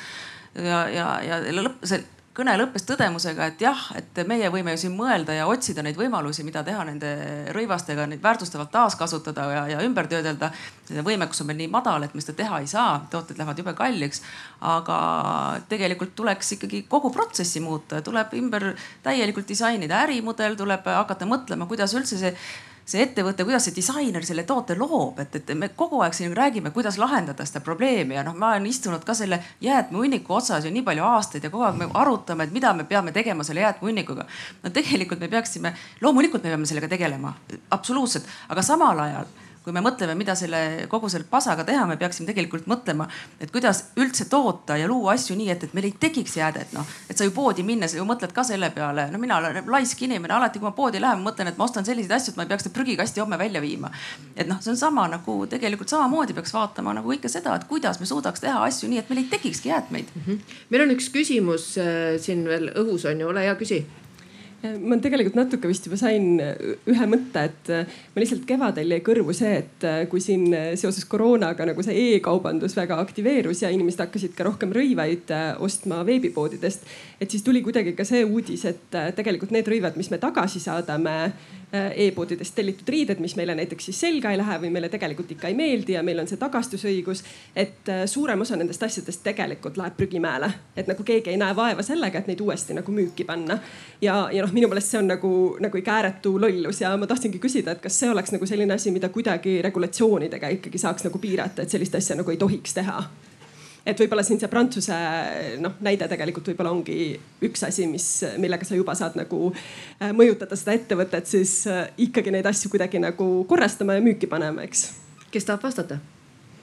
No ma võin vastata natukene, mis puudutab jah seda tootja vastutuse põhimõtet, sest et seda jah, komisjon on ju kasutanud väga erinevate jäätmevoogude ringlussevõtu ja ka disaini edendamisel. noh, needsamad pakendijäätmed, vana elektroonika, autoromud, rehvid Eestis, nad tegelikult ju toimib selle, nende käitlemine ja, ja ringlussevõtt läbi tootja vastutuse põhimõtte.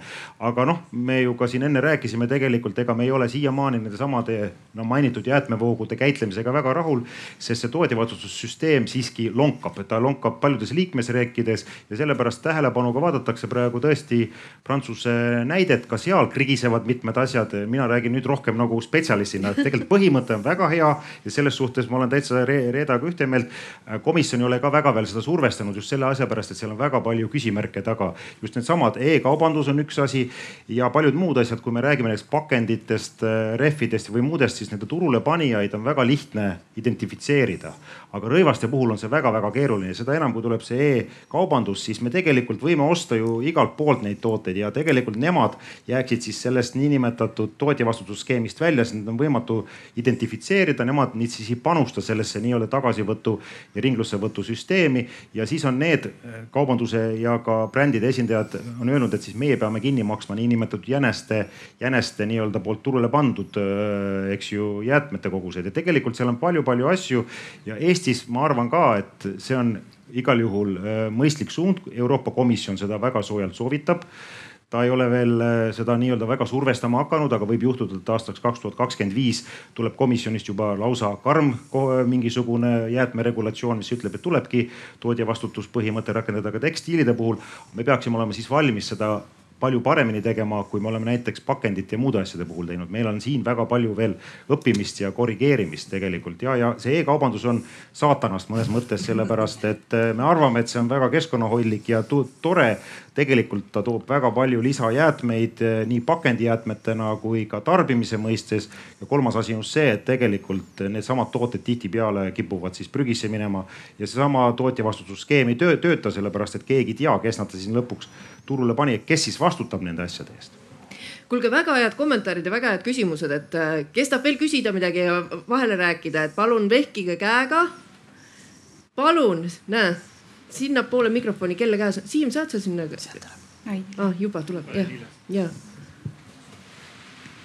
ma hästi nõustun sellega, mis just Reet hiljuti nüüd ütles. et me räägime hästi palju probleemi lahendamisest, aga me tegelikult ju peaksime ka rääkima sellest probleemi juurest või põhjusest. et ma ise olen mõelnud selle peale, et, et kui meil ongi mõned variandid, mis me teame, et on väga halvad, nagu näiteks see kiirmood, mis me teame, et tüüpiliselt on toodetud väga saastavates tingimustes väga halbades sotsiaalsetes tingimustes, siis kas me ei peaks äkki lihtsalt neid halbu variante põhimõtteliselt turult ära kaotama, kas ära mhm. keelama, ütlema lihtsalt seadusega, et me ei luba sellist laastamist või, või rakendama näiteks mingisuguseid makse, et kui ongi mugav inimene läheb poodi ja, ja ta tahab osta endale uut T-särki, siis selle kõige halvema variandi kasuks otsustamine oleks ka kõige ebamugavam. kas keelamine või maksustamine on lahendused? no kodumasinate puhul on alati turult välja lükatud just need kõige rohkem energiat tarbivad kodumasinad ja on kokku lepitud, et ähm, kui kodumasinates viiskümmend protsenti Euroopa turule tulevatest ähm, noh, näiteks külmkappidest äh, juba jõuab A ja B kategooriasse, siis vaadatakse jälle kategooriad üle, et, et innustada tootjatel innovatsiooni ja säästlikkust ähm, jään vastuse võlgu, et äh, midagi seesugust oleks äh, rõivakaubanduses. Kadrit nii palju veel üleüldse, et noh, Eesti oma eesistuja, kui ta kaks tuhat seitseteist eesistuja oli, siis ju tegelikult Eesti väga jõuliselt viis seda sõnumit ju ka Euroopasse, et üleüldse teha digitaalne tootepass, üks asi. et me kõik näeksime juba mis iganes toodet ostes, kui palju, kui suur on selle keskkonna jalajälg, et palju sinna on läinud erinevaid materjale, eks ja, ja, ja kaotada ära näiteks needsamad paber, paberpassid, noh, see on natuke teine teema, aga suures pildis jälle sama ju, et kui me täna ostame mingisuguse telefoni, siis me saame seal veel võib-olla kümnes keeles kaasa paberit, mis lihtsalt tegelikult läheb meil raisku, eks.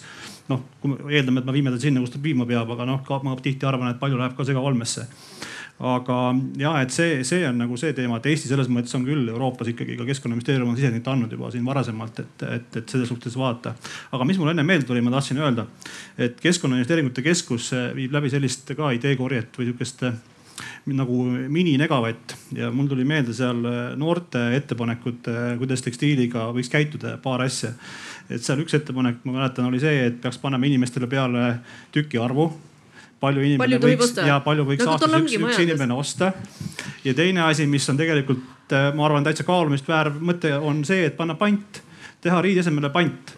Et noh, täna me rääkisime, et meil veel, meil ei ole veel kõige hullem siin võib-olla see kokkukorjamine, aga võib-olla riigi asemele pandi, panditasu kehtestamine võib-olla on, motiveerib meid oluliselt rohkem tagasi viima seda toodet sinna, kus peab ja ma kujutan ette, et Sarad ja AEM-i kinni panna või keelustada nagu päris keeruline, et see toob meid järgmise katastroofi juurde Harri. jah, ma nii palju nüüd küll ütleks jah, et eh, kui nüüd vaadata tagasi, et Euroopa Komisjoni nii-öelda keskkonna valdkonnas toodete keelustamised, see hõõglambid hea näide, eks ju, kus tegelikult keelustati ta võib-olla liiga kiiresti ära, sellepärast et paralleelselt hakata, oleks mõistlik olnud survestada, sest tegelikult ju see on sihuke tüüpiline näide, kuidas surmatakse innovatsioon, eks ju, et siis keelustamised selles mõttes ei pruugi olla kõige paremad, aga kindlasti teatud survestamine on mõistlik ja alati noh, üldiselt ikkagi teatud majandusmeetmed on äh, nagu paremad selles suhtes. eriti, mis puudutab just seda innovatsiooniteket ja, ja, ja lihtsalt äh, kommentaarina nii palju, et tõesti nende kodumasinate märgistamine on võib-olla nendest keskkonnamärgistest üks kõige edukamaid, mis Euroopa Liidust on toiminud. ta on lihtne, arusaadav, iga koduperene ja, ja peremees saab sellest asjast aru ja ta tõesti toimub igal pool ühtselt ja, ja on selge arusaam, et mis kasu ma sellest saan. väga raske on rõivaste puhul seda teha ja ka väike kommentaari saan, pean ikkagi ütlema sellesama passi puhul, eks ju. vot kui me siit loeme kolm rida, siis me juba, aga kui meil on, mul on pass, mis on võib-olla sada ühikut pikk kui palju me sellest aru saame, et jällegi eh, uuringud näitavad, et need niinimetatud ökomärgised peavad olema võimalikult lihtsad, arusaadavad ja selgesti kommunikeerima seda kasu ja võib-olla Reet, pärast sa võid tuua näite siis ka oma tootel olevat lihtsast sõnumist ja informatsioonist, et seda informatsiooniga ei tohi tarbijat ära tappa. et must eh, vale arusaam minust kõlama praegu ei jääks, siis see digitaalne tootepass, millest ma rääkisin, on just nimelt see, et, et me ei koorma seal poes eh, või seda toodet üle üleliigse informatsiooniga, aga me anname just nimelt võimaluse nutiseadmetega ka vaadata sinna sisse. see info, mida me täna kätte ei saa, aga tegelikult teadlik tarbija saaks vaadata enne seda seadet või, või, või riiet ostes tegelikult, kui suur see jalajälg on, palju on läinud vett, kui suur on see CO kulu sinna olnud, nii et selles mõttes ma kindlasti ei arvanud, et me mingisugust hakkame printima mingeid asju välja, just nimelt me tahame vähendada paberit kui sellist et hoida kokku mm. ja säästa loodust. no mida lühem see läheb, seda paremini jõuab kohale. noh, siin eks selle rõivaga on üks keeruline asi, et, et enamus kui me mainisime siin erinevaid suuri äh, kiirmoebrände, enamus neist tegelikult ei tea loomulikult oma toote keskkonnamõju, et äh, nad ei saaks seda teada, sest neil ei ole läbipaistvust tarneahelas, et äh, see on nagu esimene kõige suurem takistus seal alati, et, et moetööstus, ta on kerge tööstus, ta liigub lihtsalt ringi ja ta on nii hinnapõhine, et kui üks tehas pakub viis senti paremat hinda kui, kui see naabertehas, siis ta kolib kohe järgmise kohta. ja mis energiat kasutab, noh, see kõik, kõik sõltub alati regioonist, et, et meie siin aastaid tagasi, kui me alustasime alustasime koostööd äh, ühe Aasia tehasega, siis esimene asi, mis me tegime, me tegime seal tehases jäätmeanalüüsi ja, ja, ja keskkonnaanalüüsi, et üldse aru saada, et milline see, milline see mõju siis on ja noh, esimene suur üllatus oli see, et tegelikult see suur tehas, kes toodab aastas äh, kakssada miljonit toodet üks tehas ainult. Eh, nad, neil pole õrna aimugi tegelikult, kui suur on, eh, kui palju ülejääke neil, palju neil jäätmeid tekib ja, ja, ja mis nendest saab, sest et jäätmekäitlus selles riigis tol hetkel ka puudus. ehk loomulikult see kõik läheb kas mustale turule või, või, või jõuab kuhugi keskkonda, noh kuhugi loodusesse on ju. et see kaos on suur ja, ja noh, niikaua kui ükski kaubamärk või ükski tellija ei küsi seda informatsiooni sellelt tehaselt, siis loomulikult see tehas selle, sellega ka ei tegele, sest et see ei ole, ta teeb ainult seda, mida see tellija, tellija temalt küsib. ehk siis noh, see on jälle see lõputu küsimus, et kes peaks võtma vastutuse ja siin on see täpselt samamoodi ja niikaua kui meie noh, meie toodete tarneahel või, või siis ütleme pikemalt tegelikult see eluahel on läbipaistmatu, me ei saa isegi eh, seda informatsiooni tarbijatena eeldada või, või noh, meil see kaubamärk ei oska meile seda anda. noh, meie näiteks, me teeme omale igale tootele, mis me välja toome, me teeme keskkonnaanalüüsi aga selleks, et seda saada, meil kulus ka kolm aastat, et äh, käia läbi kõik tehased, panna kokku seesama arvutus äh, kuni selleni välja, et äh, minuti pealt, kui kaua õmblusmasin töötab ja nii edasi ja nii edasi, et see on noh, see on tegelikult tänapäeval jätkuvalt ikkagi veel selline teadus on ju, et, et ta ei ole tavapraktika. ja, ja selleks, et me jõuaksime sellises ühel suurel kaubamärgil on mitu tuhat tootjat. Ja kui sa siis mõtled selle peale, et et ta peaks selle info nendelt tootjatelt äh, kokku koguma, et anda meile seda infot, seda ei, noh, seda ei juhtu enne, kui need tootjad, kas nad ei oma oma tootmisi, mis äh, tihtipeale, kui sa vaatad jätkusuutlikke kaubamärke, esimene asi, mis nad teevad, ongi see, et neil on oma tootmine, kus neil on täielik ülevaade, nad teavad, kust tuleb toormaterjal, nad teavad, kes see toodab, kuidas toodab ja nii edasi, et neil on nagu tegelikult olemas täielik läbipaistvus. ja see on nagu see esimene tingimus, mis peaks olema täidetud äh, tegelikult siitpoolt. Ja ma arvan, et see on küll üks asi, mida noh, mida küll saaks reguleerida, kui targ, noh nutikalt mõelda, onju Äh, kuidas äh, see ongi seotud võib-olla ka kõige ennekõike sellega, et ma tean, et Euroopa Liit tegelikult töötab välja ka sellist üle, üleüldist sertifitseerimissüsteemi, mis just nimelt oleks äh, väga tugevalt seotud sellesama ringlusse võtuga, aga noh, selleks, et sa saaksid midagi ringlusse võtta, sul on vaja ka läbipaistvust, et, et noh, sealt peaks see kõik algama jah. said sa oma küsimusele vastuse, kus sa olid, kes, noh jah, väga hea no maks on ju. E, üks küsimus äh, või üks küsija on meil siin valmis, kas on veel kuskil küsijaid, et me saaks teie juurde saata mikrofoni?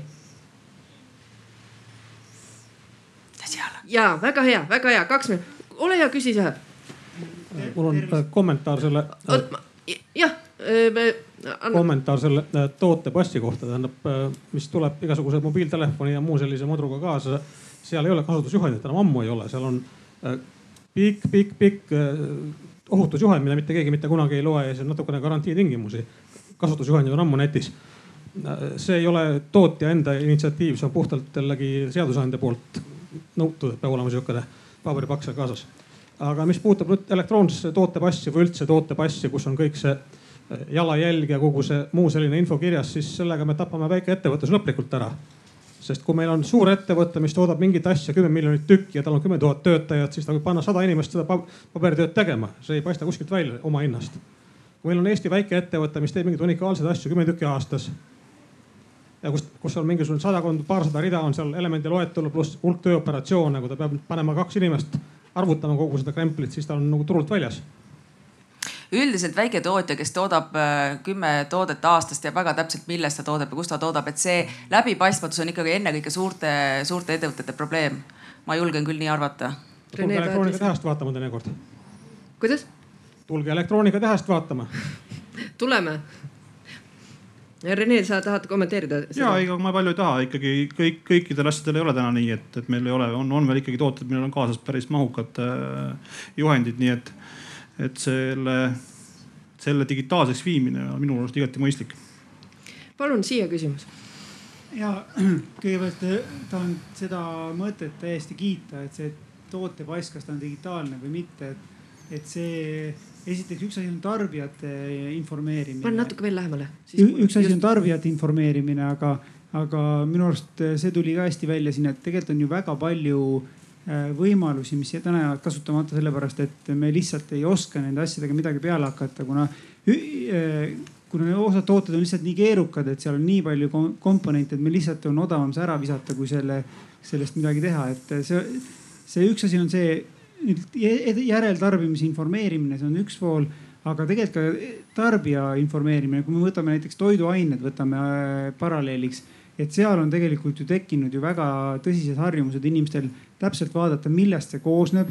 Äh, võib-olla ka seda, et kust see tulnud on ja seal on inimeste huvi olnud, et ma arvan, et see ei ole nii ebareaalne tekstiili puhul. ma olen täiesti nõus, et äh, keerukamad tooted nagu ma ei tea, autod või arvutid, et seal on neid komponente lihtsalt liiga palju, et, äh, et seda tavatarbijale nagu kättesaadavaks teha, aga tekstiili puhul ma ei näe seda nii keerulisena, et või noh, siit on ka mu küsimus, et kas kas tekstiili puhul on nii, eh, nii palju keerulisi eh, koostisosi ja komponente, et see, see tavatarbijale käiks üle jõu aru saada eh, millest see tehtud on? noh, tavaliselt see tellija isegi ei tea, millest see tehtud on, et see tava, tavapraktika on ikkagi selline, et kui näiteks HM tellib teksapüksid, onju. ta tellib neid väga mitmest, mitmest sajast, võib-olla isegi mitmest tuhandest tehasest, onju võib-olla mitmekümnest, ma täpselt ei tea, palju all, allhanketehaseid HM-il on. aga kõik need tehased asuvad eri piirkondades, mõni Türgis, mõni Bangladeshis, mõni Hiinas. see mm, tehas ostab äh, toormaterjali ja valmistab kanga. kas ta ostab selle kanga Indiast, kas ta valmistab selle ise, kust tuleb see puuvill, seda tihtipeale, kui ta ostab selle kangana, ei tea juba see tehas, kustkohast see toormaterjal tegelikult tuleb.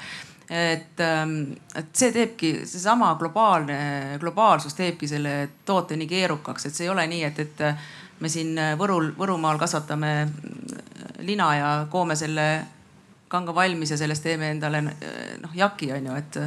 kui tohib natuke lihtsalt võrdluseks tuua, IKEA vaata, kui asjad, mis neile firmadele on tähtsad, nad suudavad selle ära lahendada, et kui sa IKEA mõtled, kui detailselt nad panevad oma kõik allhankijad ühte pilli mängima sada korda mõõdetakse, keegi mingeid vigu ei tee, praaki ei tule.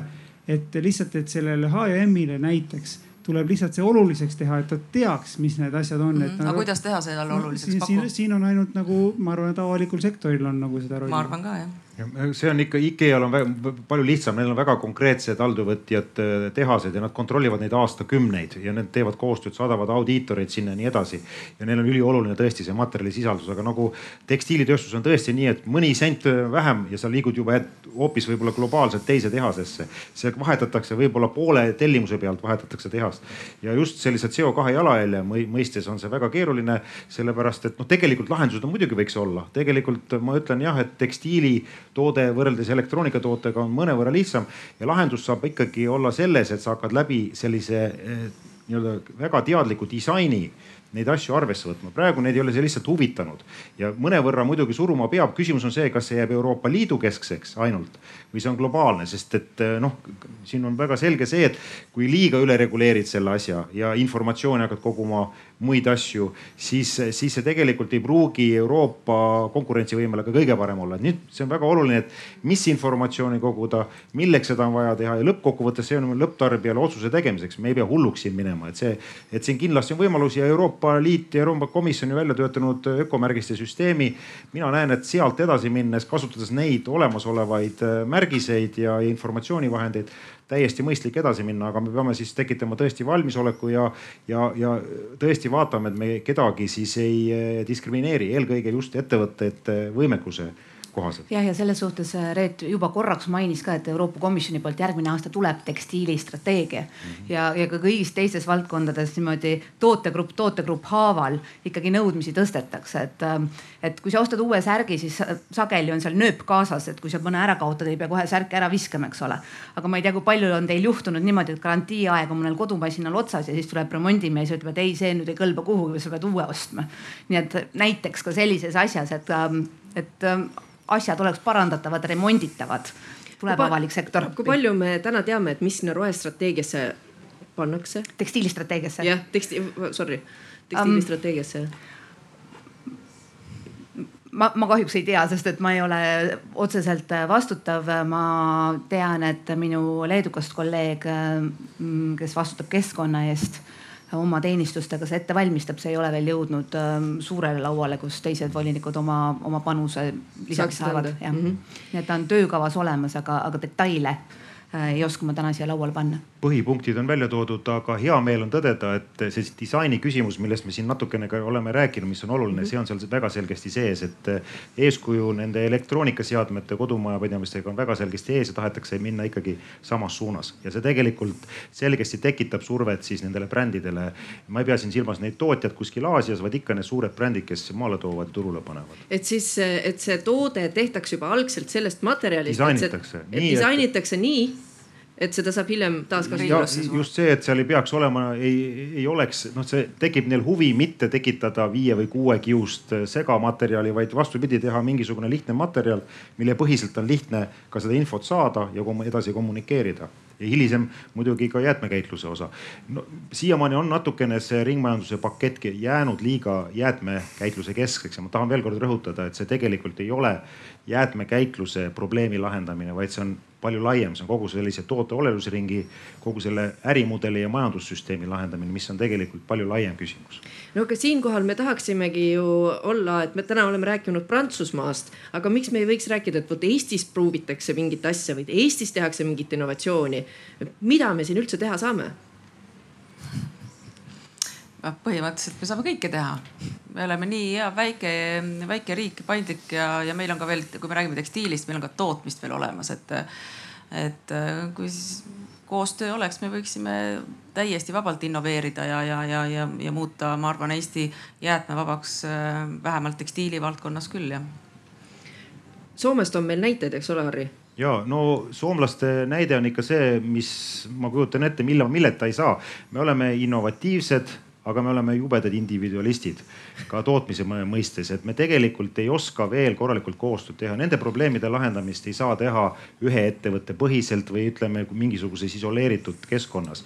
et seda saab teha koostööna ja, ja seesama meie uuring, millest me siin alguses rääkisime, tegelikult tõi väga hästi välja, et, et ainuke võimalus, meil ei ole mõtet hakata siis lahendust tekitama siia Eestisse ainult Eesti jaoks, vaid see peab olema sellisel juhul piirkondlik lahendus. Ja Põhjamaad on teinud aastakümneid koostööd, seal on nad kokku leppinud, et äh, investeeritakse ühiselt äh, kahte-kolme regionaalsesse suuremasse käitisesse, üks tuleb Malmosse, praegu see soomlaste projekt on väga hea, mis on küll rohkem nagu soomlaste riigi poolt veetud, ta on juba kolm aastat siin toiminud, erinevad osapooled toodi kokku, alates siis tootjatest ja lõpetades omavalitsustega.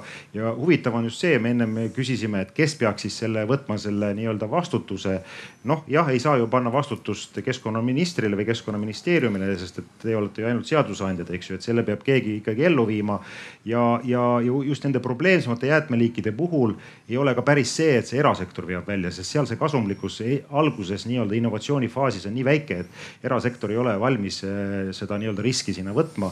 ja, ja Soomes on väga selgesti praegu omavalitsused, omavalitsuste koostöövormid, nendel on pikaajalised eh, koostöömudelid olemas, kellel on võimekus, eh, võimekus teha koostööd teadusasutuste ja jäätmekäitlejatega. praegu on tõesti nii, et Lõuna-Soome siis jäätmekäitluskeskus, mis on siis Helsingi ja ümbritsevad vallad on siis te sisuliselt te tekitanud olukorra, kus selle projekti või programmi tulemusena nad hakkavad sel aastal juba sellist tehast, mida meie siin unistame. äkki ikkagi võiks tulla siia, miks ta ei võiks siia tulla, sellepärast see on oleks meile majandusele ja meie innovatsioonile hea, suure tõenäosusega teevad ära ja kõige imelikum on siis see, et me tulevikus COP kaks peale kaks tuhat kakskümmend viis kokku kogutud tekstiilijäätmed peaksime siis nagu Soome saatma. praegu toimub nagu vastupidi mm, -hmm. aga siis võib juhtuda, et see ja me jääme me jääme ilma majanduslikust kasust ja võib-olla ka paljust muusest muust, nii et tegelikult äh, mina arvan äh, ikkagi, et me võiksime selle piirkondliku tehase siia teha. ma saan aru, et äh, Soomes riik toetab, on ju, ettevõte paneb mingi osa ja Euroopa Liit, kas neil on ju ka päris palju igasuguseid meetmeid või Euroopa Liidus ma olen üldiselt aru saanud, et raha on. Jah, eh, peale selle me räägime siin sellisest eh, Soome mõistlikust, see on küll puhtalt eh, Soome enda riigi toetusel toimuv programm, aga nad kasutavad muidugi kuna need, need erinevad partnerid on otsapidi siis üle-euroopalistes programmides sees, mis on valdavalt rahastatud Horizon kakskümmend kakskümmend rahadega ja seal on tehtud juba keemilise ringlussevõtuga ja väga palju tööd, et tegelikult need, need lahendused on olemas ja nende ülikoolid ka Soomes väga jõuliselt panustavad sinna sellesse nii-öelda Euroopa-ülesesse koostöösse. tegelikult kasutatakse ära Euroopas tekitatud know-how'd, aga see rakendus ehk selle nii-öelda tehase ehitamine, see on suudetud Soomes üllatus-üllatus ära teha. meie siin praegu veel mõtleme mm. -hmm. kuidas see kõlab, Rene? see kõlab väga hästi ja mul on hea meel, et Harri sellest räägib, aga ma olen murelik selle koha pealt, kui me üldse räägime ühest või teisest tööstusest, see on jälle teine teema, aga me oleme ühiskonnas äh, kuidagi väga kergekäeliselt kõikide asjade vastu viimastel aastatel, et eh, noh, okei okay,, see tselluloositehasest tselluloositehaseks, see on omaette asi, aga, aga noh, kui ma, minu laualt käivad ka läbi, kui keegi tahab kuskile kanalat teha või, või, või tuuleparki või väikesepaneele panna, siis ausalt öeldes noh see, see ütlus, me teeme kõik seda, et jah, palun teeme, aga mitte minu taha aeda. et see, ma olen murelik, et äh, meil ühiskond on kuidagi a priori kõikidele asjadele väga vastu viimastel, viimastel aastatel, et me isegi ei taha arutelu tekitada enam, et kas üks või teine asi, nii et äh, igal juhul meil on vaja, ma igal juhul toetan sellised mõtted, aga ma kutsun inimesi kindlasti üles, et ärme, ärme löö selliseid mõtteid ja projekte eos kohe nagu risti. et teeme vähemalt, uurime, vaatame, mis need võimalused on ja kas see on mõistlik, et meil, ma oma, oma töölaua peal tihti näen seda, et me kipume kohe eos deliitima ära kõik arutelud juba, et see on mul murekoht. selles mõttes on see tänane arutelu nagu väga hea, et me siin saame tekstiilist pikalt rääkida. Kadri, sa tahtsid midagi lisada veel? ei, ma lihtsalt tahtsin reageerida sellele hüüatusele, et Euroopal ju raha on. et tõepoolest suvel äh, valitsusjuhid said kokkuleppele pikaajalises äh, Euroopa eelarves ja ka taastepaketis ehk et siis kiires äh, finants äh, sellises äh, vahendis, mida, millega saab äh, toibuda sellest koroona äh, koroona surutisest ja nad leppisid kokku selle, et äh, iga kolmas euro või siis kolmkümmend protsenti ähm, riikidele osaks saavast ähm, rahast, mida kasutada, peab minema kliimaeesmärkide täitmiseks mm. -hmm. nii et nüüd on see küsimus, et olgu ainult häid projekte, sest et äh, see on päris, päris nõudlik asi, et, et sa ei taha niisama raha külvata, sa tahad midagi mõtestatud teha ja, ja liikmesriigid ise saavad otsustada, millistele projektidele nad annavad. Ähm, erasektoriga koos tuleb need head projektid leida. Ja ma kinnitan neid Kadri sõnu üle, et ma arvan ka, et nüüd järgmise eelarveperioodi jooksul head mõtted tõenäoliselt rahaliste vahendite taha ei jää, et pigem on nüüd meil vaja tarkust ja koostööd, et nii ülikoolide kui ettevõtjatega, et leida need head lahendused, mis tööle hakkavad no selle mõttega on kena lõpetada, me ootame siis äh, kõikidelt eestlastelt, kõikidelt, kes meil täna õhtul siin olid äh, kuulamas, palju häid ideid, äh, palju tarku valikuid. aitäh teile, väga tore oli. aitäh